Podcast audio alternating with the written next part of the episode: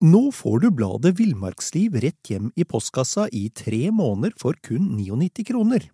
I Villmarksliv kan du lese om norsk natur, ærlige tester av klær og utstyr, og mange gode turtips skrevet av erfarne friluftsfolk, fiskere og jegere. Send SMS VILL36 til 2205 og motta bladet allerede neste uke. Lev livet villere med bladet Villmarksliv. There's never been a faster or easier way to start your weight loss journey than with PlushCare.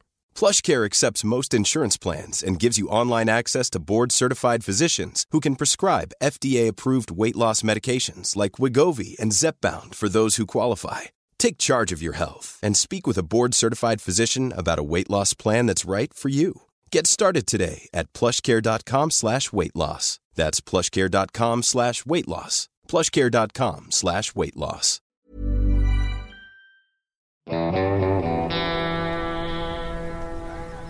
Velkommen til podkasten Villmarksliv. Mitt navn er Knut Brevik, og jeg er redaktør i bladene Villmarksliv, Jakt og Alt om fiske. I dag har jeg gleden av å snakke med Snorre Bjerkholt. Eh, Snorre er lektor på videregående, underviser eh, bl.a. i historie. Eh, du er utdanna teolog, og du er ivrig jeger og friluftsmann. Og du er en av få faste skribenter i bladet Jakt. Er det en grei introduksjon, Snorre? Jo, det stemmer det. Jeg elsker å være på tur, og jeg elsker å dra på jakt. Det gjør jeg. Ja.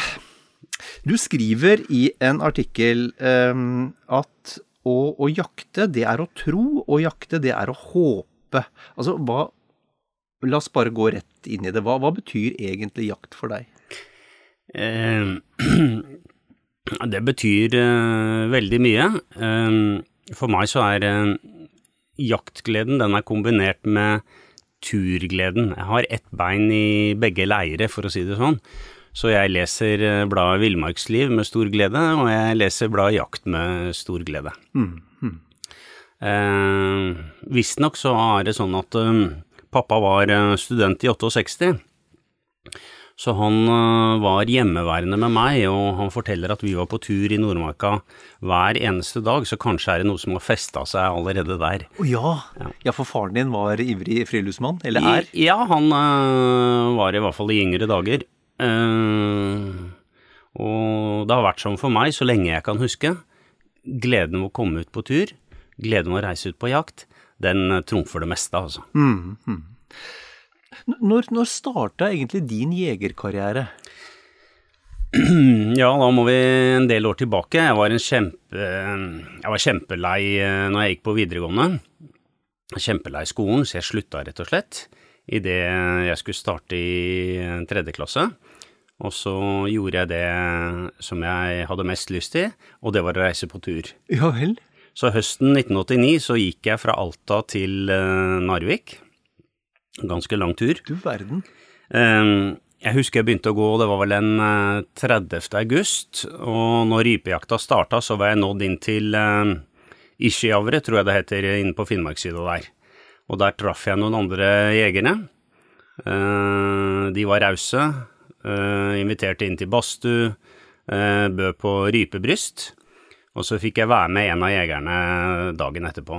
Ja vel? Være med han, sa de, han er best å skyte. Og det var jo helt, helt andre forekomster av uh, rype da enn nå.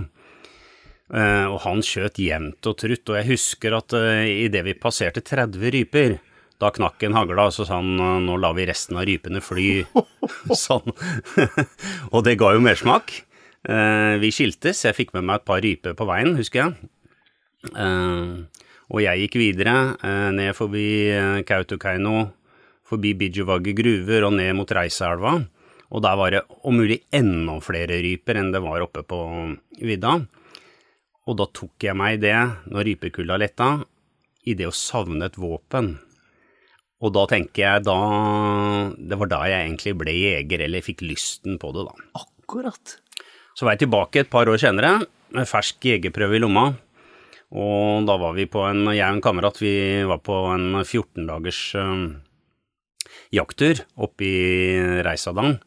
Jeg tror ikke vi fikk noe mer enn en sånn, hvis jeg husker riktig, en sånn åtte, ni, ti ryper. Men vi følte oss, vi følte oss rike, altså. Ja, ja. Og da starta det. Akkurat.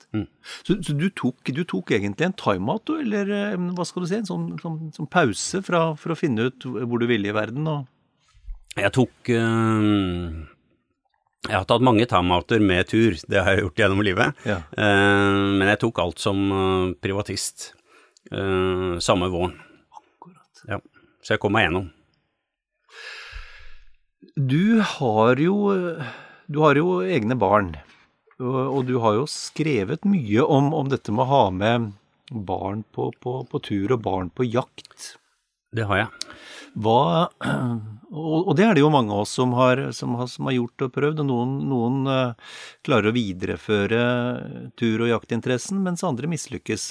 Hva, hva tror du er uh, for, for, å spørre om det, lykkes eller mislykkes du? Uh,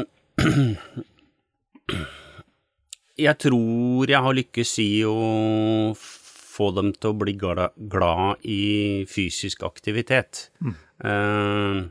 Idrett, uh, friluftsliv uh, og litt jakt. Mm. Alt sammen, egentlig. Mm. mm. jeg tror det er sånn at barn tåler mye mer enn det vi tror. jeg tror vi lever i en tid hvor vi kanskje sykeliggjør dem litt. og kanskje gir det en styrke for dem å få noen fysiske utfordringer som de klarer å mestre også, da. Mm. Man må jo tilpasse, selvfølgelig. Det det må man jo, men gutta mine de har vært med på alle mulige slags turer og på all mulig jakt helt siden de gikk med bleie, rett og slett. Ja vel. uh, og de har jo vært lei og slitne innimellom, det er uh, naturlig, men jeg føler at kona mi og jeg har uh, For jeg må ta med henne. Og jeg føler at vi har fått inn noe der, rett og slett. Mm. Mm. Og så husker jeg leste en, en sak du, du, skrev for noen år siden, og det, og det har jeg ikke hørt før. For der skrev du at det var fast takst hos dere å ha med bok og drive med høytlesing på turen. Det er spennende. Absolutt. Litt, uh, litt kultur, litt lesestoff. Det, det, må til. Litt sjokoladepauser og lange lunsjpauser, det må også til hvis man har med barn. Man må jo tilpasse, selvfølgelig. Ja. Uh, nå er gutta mine store. De er 24 eh, og 19 år. Og hvis det er noen som skal lese for noen nå, så er det vel heller de som må lese for meg, hvis vi skal gå langt, tenker jeg. sånn er det blitt. Men når vi var unge, da, så leste vi eh, Vi leste eventyr, sånn Hjortefot. Vi leste Marco Polo, Jules Verne, og så husker jeg vi leste klassikeren over alle klassikere. Eh, Helge Ingstads Spelsjegerliv. Og dere gjorde det, ja? Ja da, det gjorde vi. Eh, men det her tenker jeg det, det med å danne litt sånn få til litt sånn kultur, øh, få til litt tradisjoner, kall det gjerne seremonier rundt jakta. Det er ikke bare noe barn trenger, det er egentlig like viktig for oss voksne. Vi har det sånn i jaktlaget, hvis det er overnatting, så har jaktkompis Torstein øh, ofte med seg mandolinen sin. Jo vel. Og da sitter eh, jaktkompis eh, Vemund og Rune og jeg, vi har fått oss litt god mat, forhåpentligvis kanskje fått en felling eller to. Uh, gode og mette, og med et glass rødvin da. Når vi får litt musikk da, da er vi salige, altså. og da tenker jeg liksom det enkle, å søke det enkle. Det er litt uh, Det er ofte det beste. En god bok, en samtale, god mat, spenninga med jakt. Mm. Altså, bare det med, når du nevner det her med, med, med ritualer under, under jakt, altså bare det med å tenne et bål er jo en sånn viktig del av dette med ritualer. Å samles rundt et bål? Absolutt. Absolutt. Det, eh, det hører med. Det er en del av greia. Jeg husker for noen år siden så var vi på, på jakt med en som ikke hadde noe sans for disse ritualene. og Han, han eh, forsto ikke hvorfor vi på død og liv skulle tenne dette bålet på formiddagen. Han spurte om vi frøys. Ja, riktig. det var bare jakt. ja, men det har ikke noe med det å gjøre. Nei. Eh, jeg var jo ivrig, veldig ivrig i yngre dager. Det er ikke sikkert at Snorre 51 år hadde likt å gå på jakt med Snorre 31 år, for å si det sånn. Men uh, betydningen av rammene rundt jakta, den har bare blitt større og større. Mm. Ja. um, jeg, jeg, for å komme litt tilbake til dette med, med barn, uh, Snorre. Altså, er det Kan egentlig jakt og friluftsliv konkurrere med de digitale flatene og spillene og alle de grenseløse, den grenseløse stimulien som ligger i, sånn, i det digitale? Ja, det var det, da. Eh, tilsynelatende så får vi jo ikke til det. Eh, et triks som vi har eh, benytta oss av, det er at eh, ungene har fått ta med seg en venn, eller at flere familier har reist sammen på tur, faktisk. For da er man ikke bare på tur sammen med teite pappa eller dumme mamma, da er man på tur sammen en hel gjeng, en liten stamme, på en måte. Mm, mm. Og det har vært en suksessfaktor. En annen suksessfaktor det har vært at vi har tatt med oss bestefar. Sånn at vi har ikke vært bare to generasjoner, vi har vært tre generasjoner på jakt. Å få til det der fellesskapet på tvers av generasjoner, det er kanskje det vi savner litt i, i vår kultur, her vi sitter med mobilen og er inne i hver vår verden. Det er ikke bare gunstig. Mm, mm. Jakt og friluftsliv kan løsne opp i det litt. Mm, mm. Ja, for, altså Like før vi gikk inn her, så snakka vi jo litt om det, og vi hadde vel begge opplevd å, å, være på jakt, som jo er det flotteste vi veit om. Eh, og, og grepet oss selv i å sitte og lese på mobilen. Ja, og så plutselig så har man dumma seg ut, og så mister vi en sjanse fordi vi har vært inne på VG, liksom. Mm. Ja, nei, det er Ja, for det sniker seg litt inn overalt. Det gjør det. Det tar mer og mer tid. Mm, det gjør det. Og kommer i veien for Det er jo fantastiske muligheter og det er vel ikke et enten-eller, men når det kommer i veien for eh, kommunikasjon, god mellommenneskelig kommunikasjon, når det kommer i veien for den eh, naturopplevelsen og den jaktopplevelsen som vi egentlig er på jakt etter, mm. så ødelegger det mer enn eh, det gagner. Mm. Mm. Du, du, har jo en, en du, altså, du, jakter jo veldig variert, Snorre, både med, med, hagle og rifle. Hva, slags, hva, slags, jakt eller hva slags situasjoner er det som, uh, som får hjertet ditt til å slå ekstra hardt? Hm, ja, jeg, jeg er frista til å si all jakt, men det er jo et veldig kjedelig svar, selvfølgelig. Um, Snikjakt, uh, det er liksom litt min greie. Ja. ja. Jeg har skutt uh, mange ryper, uh, over 700 ryper. Uh, et, sikkert et hengelass med duer. jeg har vært på all mulig annen jakt, på drivjakt, på hundejakt, uh, reinsdyr, hjort, elg, rå, då, ja, alt mulig egentlig. Villsvin, ærfugl. You name it. og jeg har egentlig prøvd det. Men er det liksom ja, én ting som liksom eh, virkelig tenner jaktlysten, så er det det å ha et flott skogsområde foran meg. Mm. Vinden imot. Det er bare meg. Det er børsa mi. Det er en skytestokk i venstrehånda. Mm. Og gjerne et par neoprenvader og et par raggsokker og utapå der. Og så snike seg stille gjennom skogen. Det er, det er drømmen, egentlig. Mm. Ja. Her er det én ting vi må snakke litt mer om med en gang. For uh, dette, med, dette med å jakte i neoprenbadere med raggsokker, ja. den var ny for meg. Ja, ja, Og jeg trodde jeg hadde hørt det meste. Hvor kom den fra? Altså, betydningen i, å, i det Det er kanskje litt overdrevet, men uh, betydningen av å ta seg stille fram gjennom skogen, den, uh, den kan ikke overvurderes. Vi støkker nok mye mer dyr enn det vi tror. Mm, mm. Uh, ja. På snikjakt så er liksom noen ting som jeg har lært meg, og som jeg dummer meg ut på gang på gang. Det ene, det er vinden. At vinden må være på din side. Er det vekslende vind, så du, må du finne på noe annet, på en måte. Og det andre, det er å gå stille og rolig, og ikke bråke og ta lange, lange, lange pauser. Mm. Sette seg ned, Stå helt rolig 20 minutter, halvtime, kanskje enda lenger. Bevege seg kanskje bare 10 meter, 20 meter. Mm. Dyra er der. Mm. Så det er bare om å gjøre å finne dem. Mm. Jeg vet ikke hvordan du har det med det, men, men, når jeg tenker tilbake, så er det lite som ergrer meg mer enn de første, jeg vil si, 20 åra jeg jakta storvilt. For jeg ser i ettertid jeg gikk for fort. Ja. Jeg støkka bort så mye vilt. Var det én fordel med å bli eldre og latere og feitere, så er det at du beveger deg saktere. Og Ja. du får jaggu flere sjanser, altså. Ja da, det gjør du. Det er klart du gjør det. Samtidig så er det å snike utrolig slitsomt. Det er nesten sånn øh, yoga for menn. Du skal sette foten stille og rolig ned. Du, skal ikke, du må liksom blikket både nede og oppe. Skal skanne terrenget, se hvor kan jeg skyte, hvor kan det dukke opp dyr. Eh, for all del så må ikke noen kvister komme inntil. Det er liksom stille framrykking som gjelder. Ja. Smygjeger, altså. ja, det er nok det i bunn.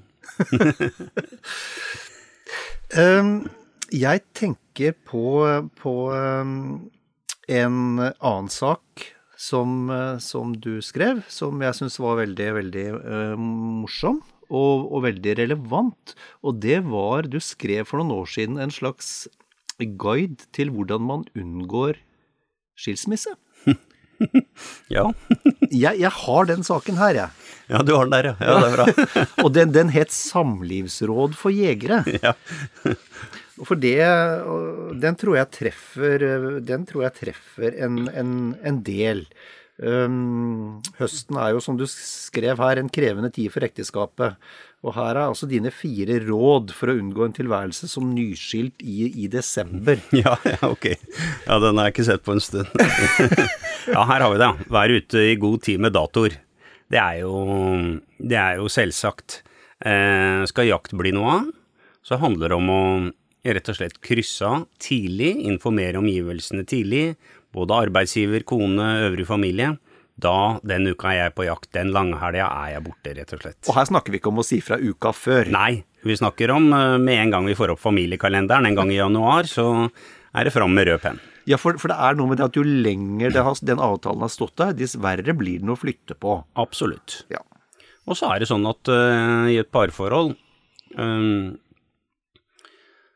så er det jo gi og ta, selvfølgelig. Uh, jeg må sørge for at eh, kona får sine hobbyer og interesser dekka. eh, og hun må hjelpe meg med mine, og får man til det, så er det jo det beste. Eh, det er jo, var jo mer krevende når ungene var små, det er ikke til å stikke under en stol. Men kona mi, hun er ei snill jaktkone som står klar. Hun skjønner hvor viktig det er for meg å jakte, og sier 'reis, kom deg ut'. Og står klar med kjøttkverna og vakuumpakkeren når jeg kommer, eh, når jeg kommer hjem. Eh, og så blir hun litt, eh, litt sur hvis jeg ikke har noe, da. Ja, ja, ja. Ja, Så det er et visst press på å skaffe litt bacon til hulen, det er det. Men, men denne guiden din den besto av flere punkter. Ja, Snorre. ja, ja. Hva var de andre? Ehm, de sårbare stafettvekslingene skriver jeg her, og det handler vel om å ehm, ikke sette seg i en posisjon hvor eh, du liksom lemper eh, tre hjorteskrotter på kjøkkenbordet, og så reiser rett på jobb, eh, på en måte. Et sånt lite tips, det er å få alt utstyret raskt ned i kjelleren eller i et eller annet rom, sånn at det ikke står og tar opp plass. Eh, og så er jeg vel blitt flinkere og flinkere til å tenke håndtering av kjøtt når man er på jakt. For vakuumpakka f.eks. Uh, grytekjøtt og kjøtt som skal kvernes, så kan du ta det senere. Eh, få ting unna. For det er klart, særlig helgejakt kan jo bli pressa liksom, når man kommer hjem på søndagskvelden. Ja. Litt sliten. Ja, ja, jeg ser det. Også man har mest lyst til å sove. Mest lyst til å bare slappe av. Men det er som du sier, da kan det altså være lurt å vaske det skitne tøyet. Det er klart. Rydde unna ting. Ja. Ja. Og late som man ikke er trøtt. Late som man ikke er trøtt, ja. Ok, det var to av fire råd, det. Ja, vær interessert, skriver jeg her mer. Og kona mi har nå høner, hun har eh, kjøkkenhage, hun har eh, bier og katt, og nå har hun fått seg hund. Så jeg prøver å være interessert og hjelpsom året ellers. Jeg vet Ja, ikke ja. om jeg får det til alltid, men jeg prøver iallfall. Ja. Ja. Og siste rådet ditt, eh, siste rådet, For, for det, er jo, det er jo ikke til å legge skjul på at det er et snev av alvor eh, bak eh, denne saken også. Absolutt, absolutt. Det er klart det. Um, goodwill-kapital, og bygge seg opp litt goodwill-kapital, det handler jo om at um, høsten er den mest intensive jakten. Mm. tiden for jakt, mener jeg. Um, og da består jo året av eh, mange andre årstider, og da går det an å snu litt på flisa. Et godt råd eh, kan jo også være å prøve å få lurt inn en jakt eh, kanskje på våren. Eh, Fordele trykket litt. ja, ja, absolutt. Ja. Ja. Villsvin, for eksempel. Glimrende å jakte på våren. Ja. Får man seg en liten jakt der òg. Men du, mm, du nevnte jo at din kone sto, sto og er i likhet med deg opptatt av viltkjøtt og, og foredling av viltkjøtt, og, mm, og at hun sto klar med kverna. Eh, Du fikk jo en eh, Til din kones 40-årsdag, som ligger noen år tilbake i tid nå, så, så fikk jo du faktisk en, en bestilling, du, på rådyr yt- ytrefilet. Det gjorde jeg. Det er, eh, Hvordan gikk egentlig det? Det er kona mi, hun elsker filet. Ja. Og eh, hun liker all slags viltkjøtt, altså, men det er filet som liksom står øverst på lista. Og jaktkompis eh, Rune og Vemund og jeg, vi hadde fått bestilling på rådyr, og så hadde vi ikke fått noe, og det så liksom litt mørkt ut. Selskapet var klart. Men så klarte vi å felle da med knappest mulig margin, vil jeg si. Det ble skutt, frakta i bil og rett inn på kjøkkenet. Eh, og ryggfilene ble skåret ut, og der satt det ti eh, eh, damer og venta på mat. Og det var så knapt? ja da, veldig knapt. Og den historien, den eh, Ja, det er jo noen år siden, men den er det mange som har fått med seg, og den hører jeg med jevne mellomrom, og det er litt morsomt, rett og slett. Men, men de var fornøyd? Absolutt. Ja. Absolutt. Nå fyller hun 50. ehm, og nå her eh, for noen uker siden så kom spørsmålet på nytt. Har vi rådyrfilet, sa hun. Så da, så blir det vel jakt på bestilling igjen. Så du veit hva du skal gjøre i august? Ja da, ikke noe tvil om det.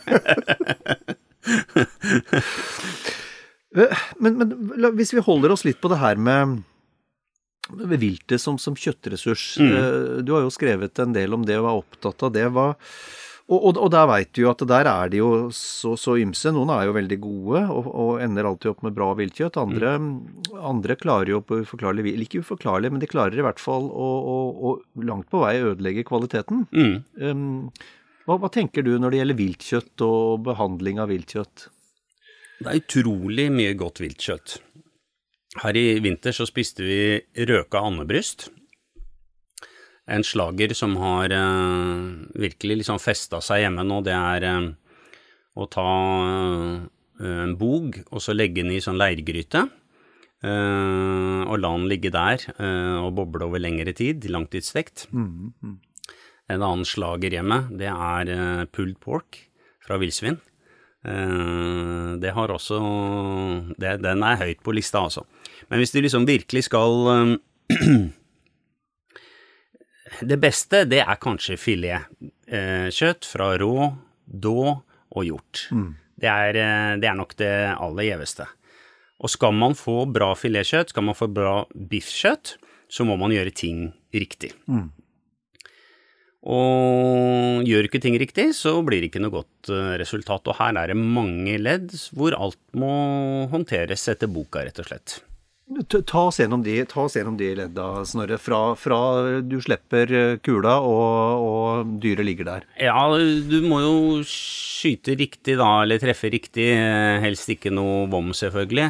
Eller eh, tarmbakterier. Lite grann går jo kanskje greit, men hvis det hvis det er liksom treffer vom, så må man tenke seg om hva man skal gjøre. Det er mulig å berge deler av kjøttet for det, men det er jo en, en stor ulempe, selvfølgelig.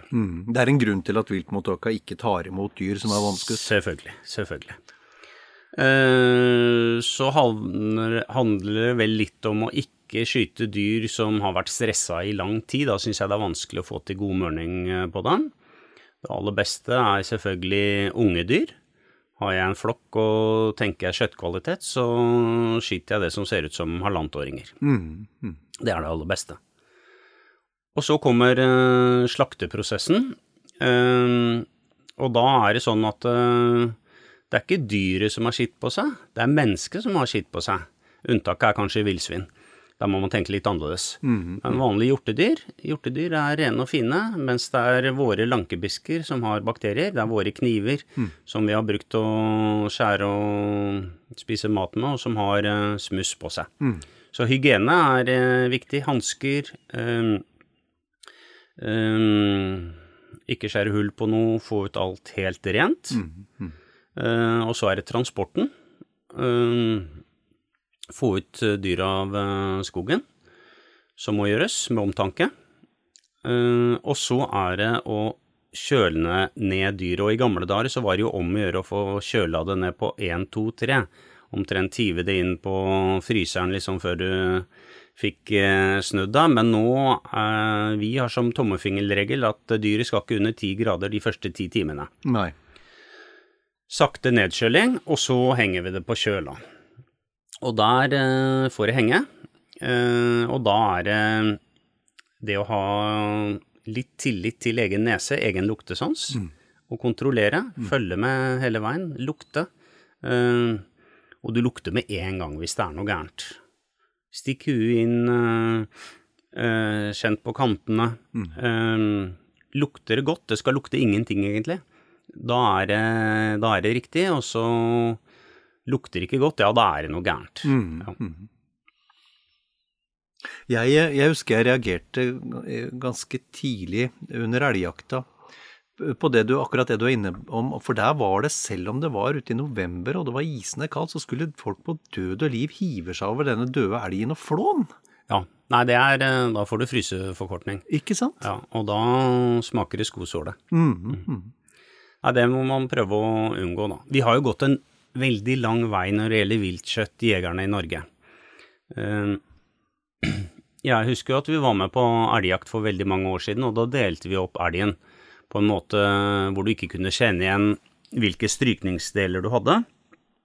Både på det og på måten vi tilbereder viltet på, så har vi jo utvikla oss, da. Mm, mm, Og jeg tenker at eh, skal vi takke noen for det, så tenker jeg at det er Arne Brimi, egentlig. mm. Brimin kom på TV, lagde rosasekte rypebryst, dampa dem.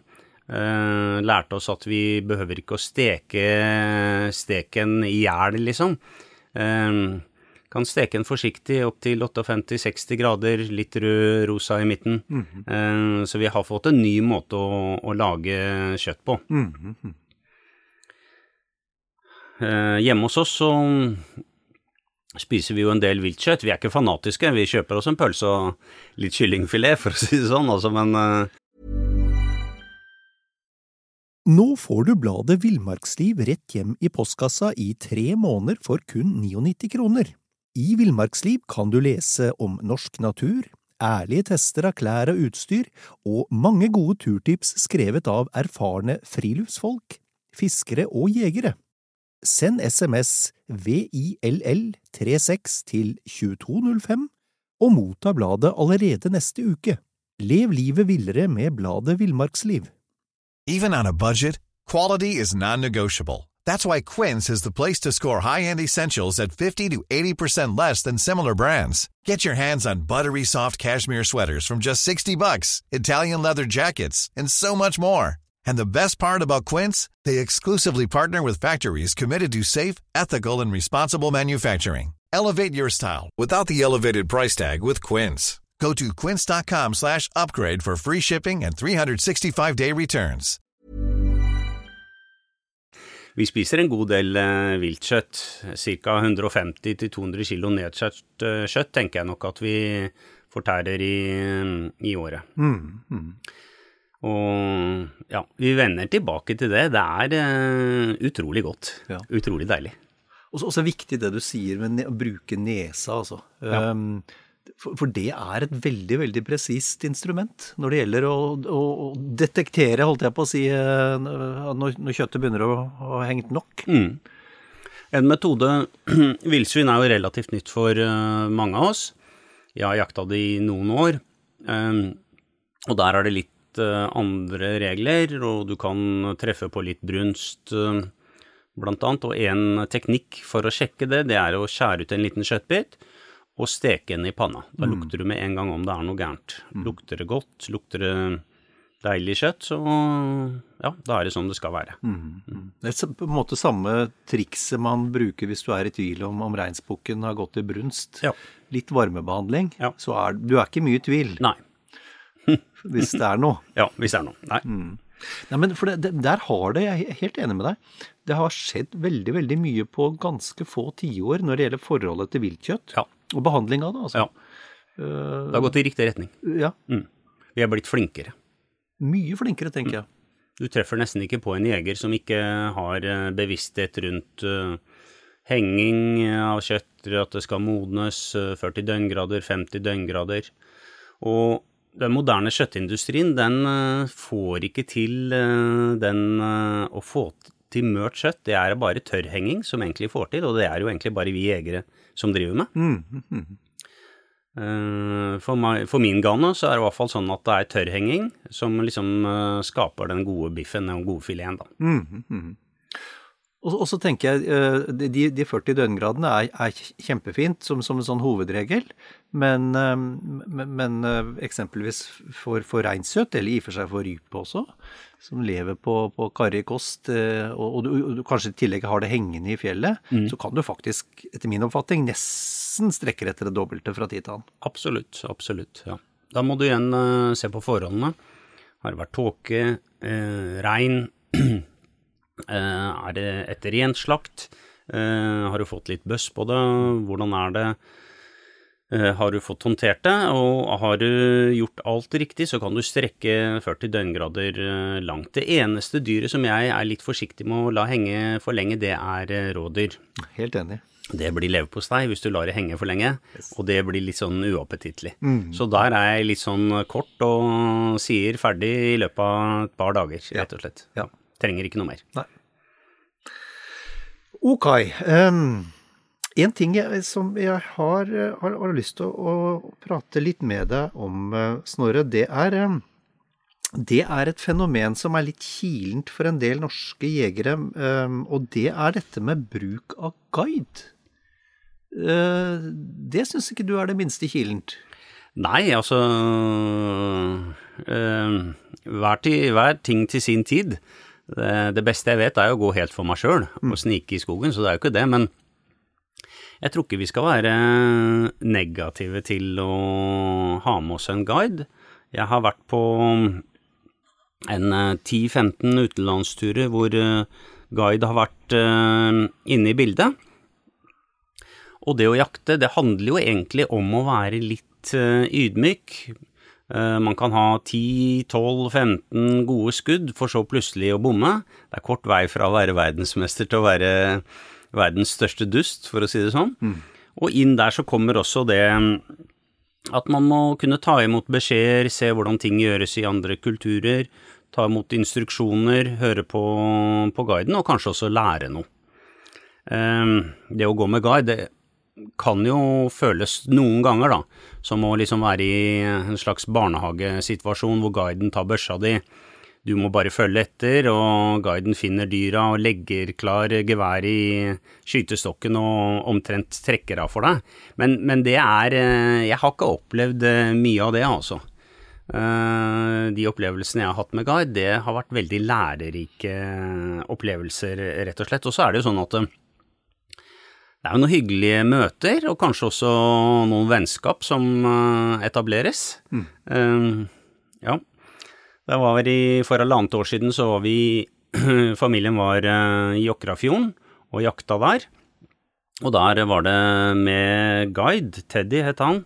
Og han var veldig dyktig og lokalkjent, og han hjalp eh, minstemann Halvard fram til sin første hjortefelling, og den hjorten hadde ikke Halvard uh, fått felle med min hjelp, for å si det sånn. Nei vel. Um, og en annen historie eller opplevelse, den um, handler om Vi har vært en del turer i Skottland. Uh, faren min har vært med noen ganger. Og etter jakt så har vi ofte blitt tatt med til den lokale puben, Ja. hvor guiden har eh, klirra på glasset og annonsert for alle og enhver hvilken flott bukk pappa skjøt. Og det vakte jo applaus og klapp på ryggen og utrolig mange skåler. Så mange skåler at det ikke ble noe jakt eh, dagen derpå for pappa. Han har ikke for vane å drikke for mye, han altså, men Nei. eh, der var vi litt ute på galeien, for å si det sånn. Men det var en fin bok, da, skjønner jeg. Absolutt, absolutt. Ja. Det som, den, den guiden som likevel har gjort mest inntrykk på meg, det er en kar som heter Johan Palmgren. Jeg tror han er kjent for en del eh, nordmenn også. Han er eh, eh, viltforvalter på et flott lite område som heter Virobruk i Sverige. Og det er mønsterbruket, altså, i forhold til hjorteforvaltning og villsvinforvaltning. Store, fine stammer. Han bruker lang tid på å se hvilke individ han skal ta ut.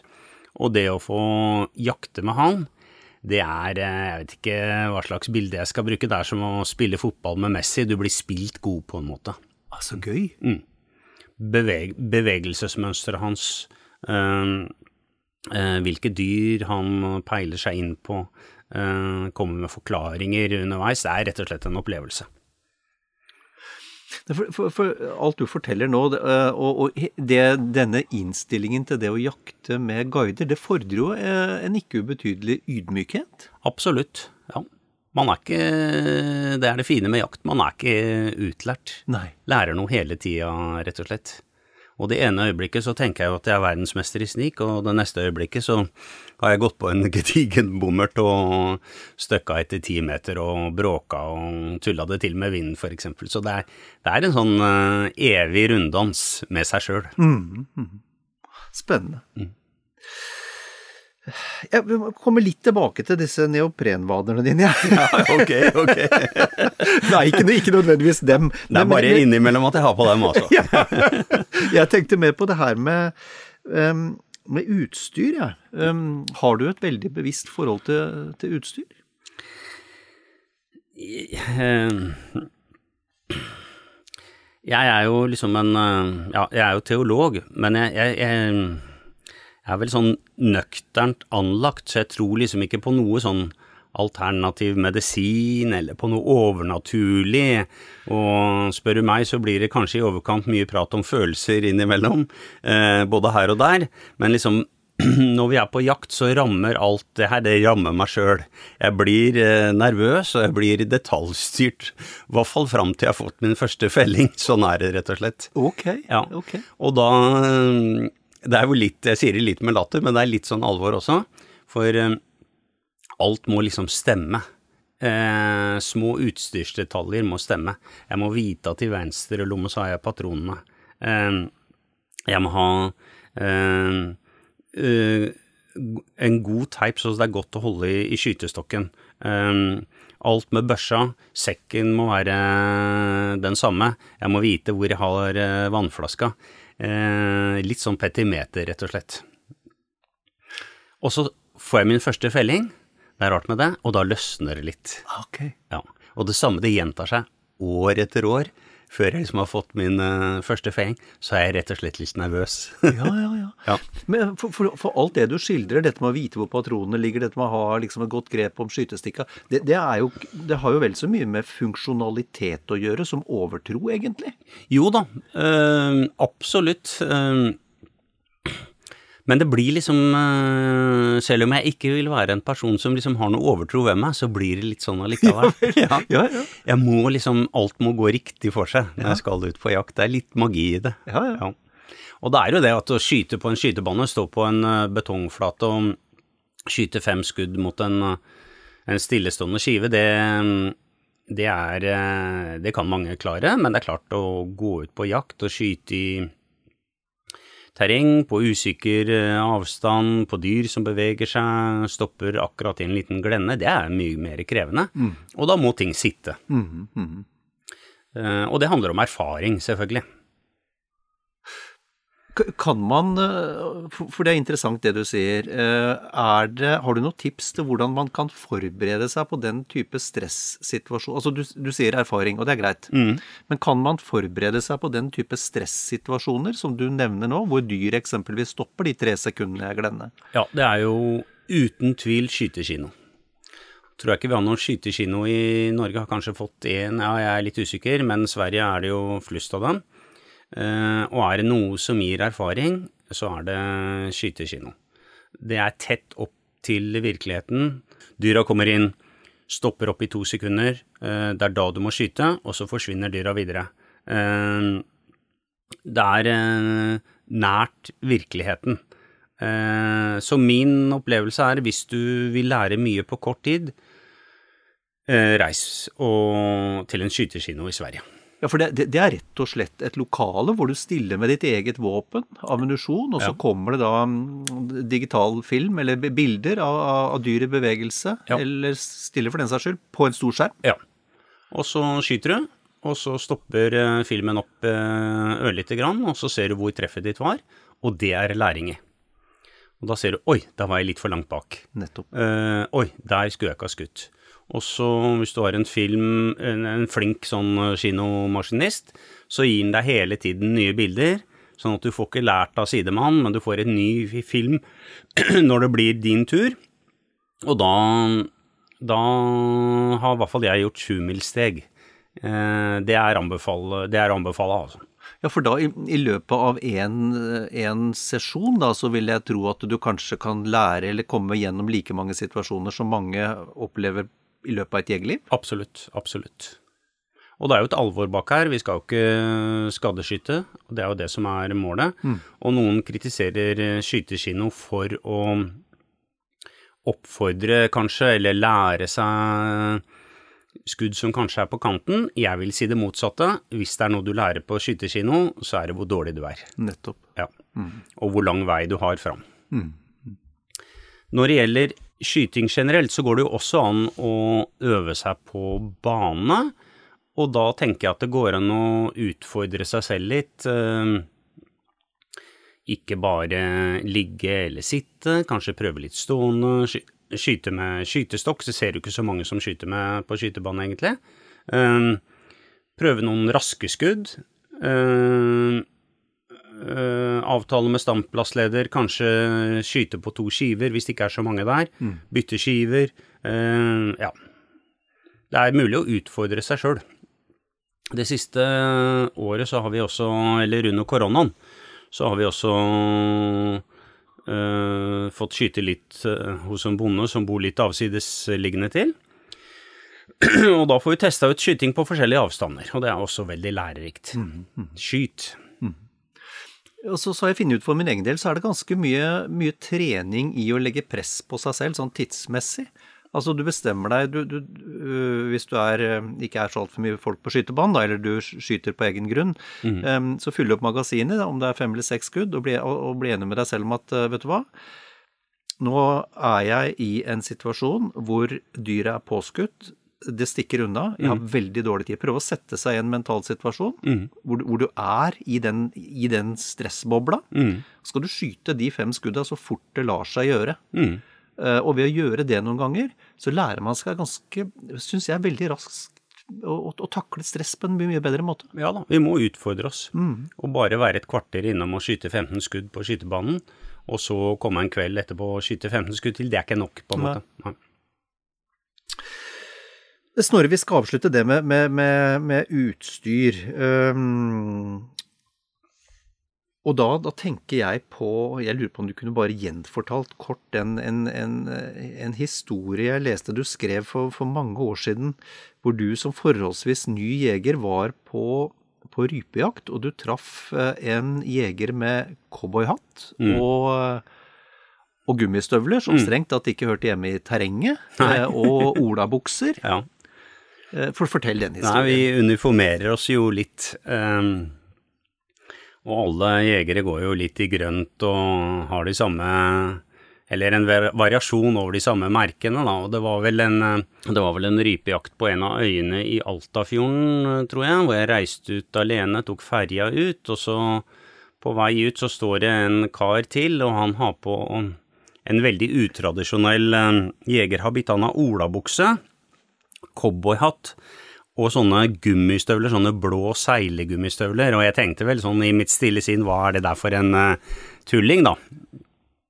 Uh, men vi, vi kom nå i prat, og vi skulle jakte begge to, og bestemte oss for å møtes til lunsj. Gikk hver for oss. Og han gikk for seg, og jeg gikk for meg, og det var jo et godt rypeår. Og jeg hørte det smalt jevnt og trutt fra hans side av dalen. Eh, og jeg tenkte ja, nå, nå er bommene der, liksom. Og så møttes vi til lunsj, og da hadde han jo Jeg tror han hadde tre eller fire ganger så mange ryper som meg.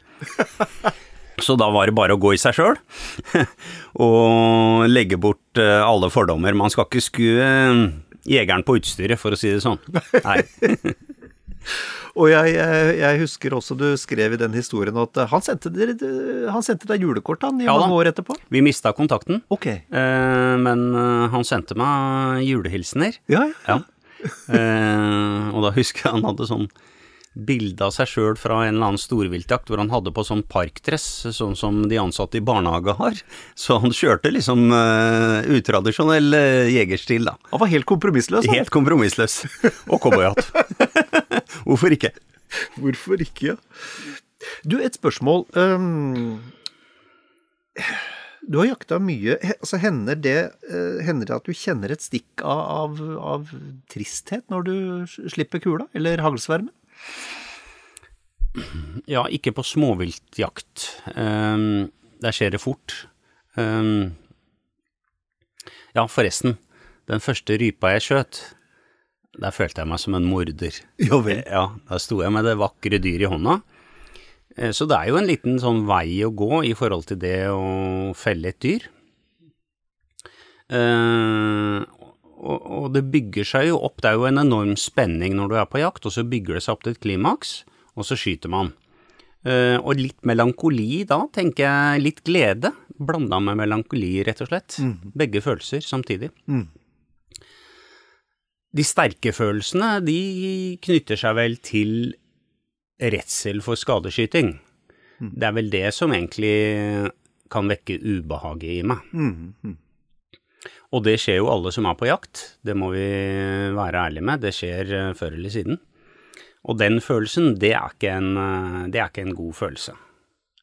Um, så alt må gjøres for å, for å prøve å unngå det. Mm, mm. Um, jeg, jeg tenker eh, Du, har jo, du jakter jo veldig variert og jakta mye, Snorre. Nå er det en del unge jegere som skal ut hvert år, øh, og, det har jo blitt en, voldsom interesse rundt friluftsliv, og også jakt, de, de siste to-tre åra.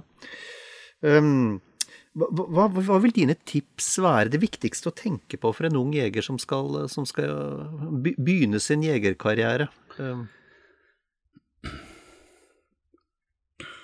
Nei, eh, kjøpe blad jakt, kanskje?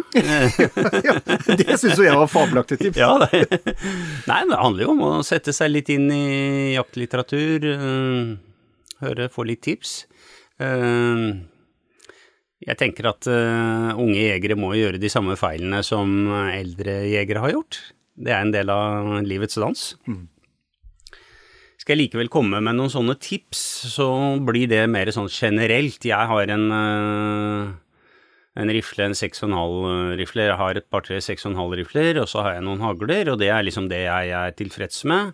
Og funnet meg min ammunisjon, og gjør ikke så veldig mye mer ut av det, egentlig. Så der må hver finne sin sitt ønske, da, eller hva man er komfortabel med. Um, men generelt så kan vi jo vende tilbake til det her med skal det bli noe av jakt? Skal du gå inn og drive med jakt seriøst, så handler det om å sette av tid tidlig. Reservere terreng, eh, inngå avtaler tidlig, sette av en uke i kalenderen, eh, rett og slett. Da blir ting noe av. Det er egentlig det første og viktigste tipset mitt. Og det neste tipset, det er kanskje litt rart, eh, men det handler om å bruke litt penger. Eh, vi driver med alt mulig ting eh, her i livet vårt. Vi har båt, vi reiser på fotballtur til England, vi spiller golf. Veldig mange ting er veldig dyrt. Og så sitter vi liksom og knuger på om vi skal betale 1200 eller 1500 kroner for et jaktkort, på en måte. Eh, Sjøl så bruker jeg litt større summer på jakt, og det er jo fordi jeg driver mye med det, men jeg tror jeg bruker mellom 50 60 opp til 70 80 000 i året på jakt, og det sier jeg uten skjemsel. Eh, det er hobbyen min, eh, og jeg koser meg med det. Og så er det jo viktig å betale regningene sine også, selvfølgelig, men jeg har fått til det til nå, da, for å si det sånn. Alt koster jo, alt koster jo penger. Eh, mange spør liksom sånn, lønner det seg å jakte? Eh, da svarer jeg nei. Det skal ikke lønne seg å jakte, det er ikke derfor jeg driver med det. Nei. Eh, tredje tips, det handler om å finne noen gode venner å jakte sammen med. Jakt er en sosial greie, egentlig. Kan godt jakte alene. Eh, men å være sammen med noen, treffe noen på koia, være sammen med noen, det er eh, ja, det er viktig. Rammene rundt jakta, det er eh, viktigere og viktigere for meg. Jeg har jo jakta i mange år med noen uh, gode gutter, eller kanskje jeg skal heller kalle det gode gubber, for de eh, begynner vel å bli hvite i skjegget, de fleste av oss. Eh, og vi kommer til å fortsette å jakte helt til, helt til vi blir gamle og rullatortiden kommer. Ja. Så det er viktig, det, det sosiale der. Ehm, videre, del alt av byttet helt likt. Du får ikke akkurat til å de dele en rype hvis det er bare én rype du har fått, men er det noe å dele, så del det helt likt. Det tenker jeg er et viktig prinsipp når man er sammen på jakt. Og sist, men ikke minst, eh, skyt mye. Sett deg noen mål. Ti turer på skytebanen i året. eh, med rifle, ti med hagle. Kanskje kombinere det litt, eh, hvis det er en eh, bane som har begge deler. Eh, utfordr deg selv litt når det gjelder eh, skyting. Tenk eh, på hagle. Ja, jeg skal ha en serie hvor jeg har 20 treff, for eksempel. Um, på rifle um, uh, Tenk ja, jeg skal prøve å ta prøve av stående, eksempel. Um, ja. Eh, vi skyter for lite. Det er jo litt det Jørund Lien sier uh, og kommer tilbake til gang etter gang. Men det er en sannhet, altså. Vi skyter for lite.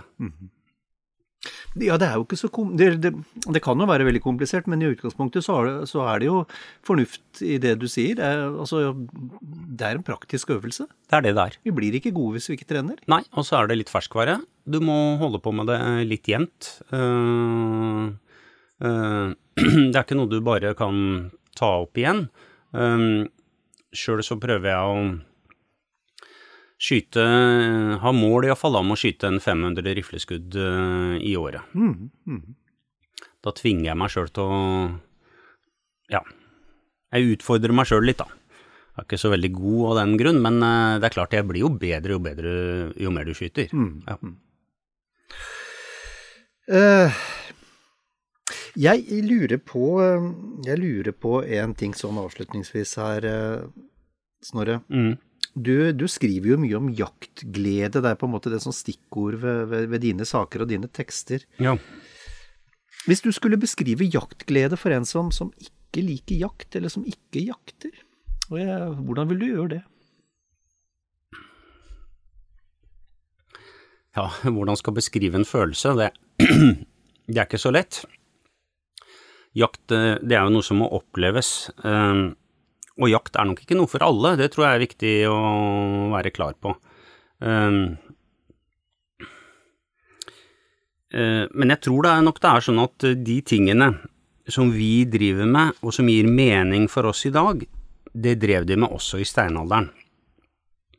Det handler om uh, ting som kjærlighet, uh, seksualitet, det handler om å bygge bo, skaffe varme, skaffe mat, eh, lage avkom, sørge for avkommet sitt.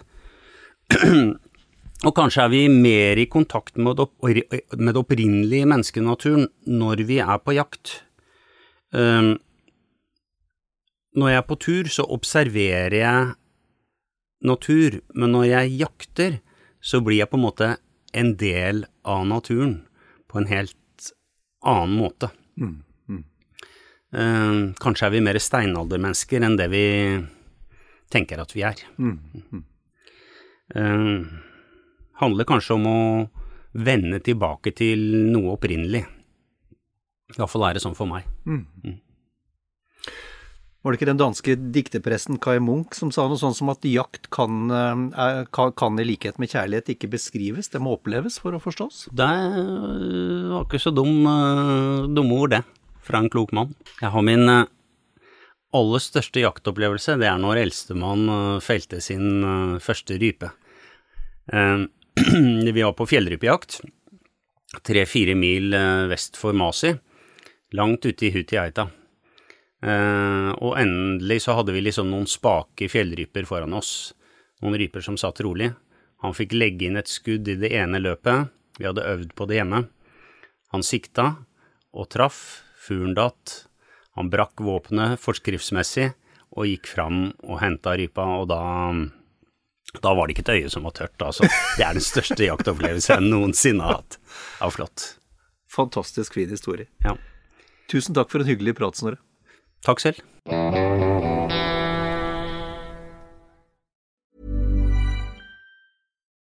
Nå får du bladet Villmarksliv rett hjem i postkassa i tre måneder for kun 99 kroner. I Villmarksliv kan du lese om norsk natur, ærlige tester av klær og utstyr, og mange gode turtips skrevet av erfarne friluftsfolk, fiskere og jegere. Send SMS VILL36 til 2205 og motta bladet allerede neste uke. Lev livet villere med bladet Villmarksliv. Even when we're on a budget, we still deserve nice things. Quince is a place to scoop up stunning high-end goods for 50 to 80% less than similar brands. They have buttery soft cashmere sweaters starting at $50, luxurious Italian leather bags, and so much more. Plus, Quince only works with factories that use safe, ethical, and responsible manufacturing.